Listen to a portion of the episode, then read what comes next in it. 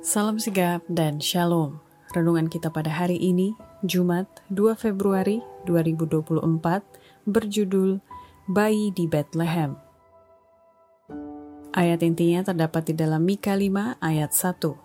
Tetapi engkau, hai Bethlehem Efrata, hai yang terkecil di antara kaum-kaum Yehuda, daripadamu akan bangkit bagiku seorang yang akan memerintah Israel, yang permulaannya sudah sejak purbakala, sejak dahulu kala.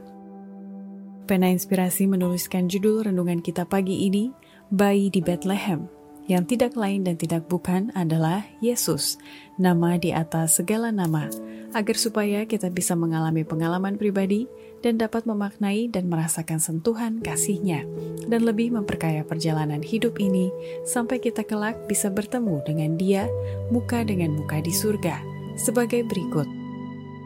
Pertama, Pelajaran dari peristiwa kelahiran Yesus sebagai bayi di Bethlehem mengajarkan setiap rumah tangga agar bertanggung jawab mempersiapkan anak-anak mereka menjadi seorang misionaris yang setia dan tidak mementingkan diri.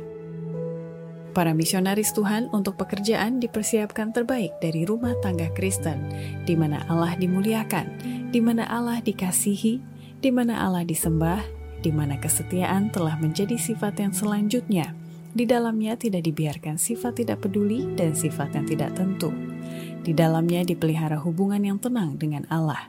Ini dipandang sebagai suatu hal yang penting bagi pelaksanaan segala kewajiban yang setia. Kedua, pelajaran dari peristiwa kelahiran Yesus sebagai bayi di Bethlehem mengajarkan setiap rumah tangga untuk mendidik dan mempersiapkan anak-anak mereka menjadi misionaris cilik. Allah mau agar setiap anak yang masih muda menjadi anaknya, menjadi anak angkat dalam keluarganya. Walaupun mereka masih muda, tetapi anak-anak muda itu boleh menjadi anggota-anggota keluarga beriman dan boleh mempunyai pengalaman yang sangat berharga.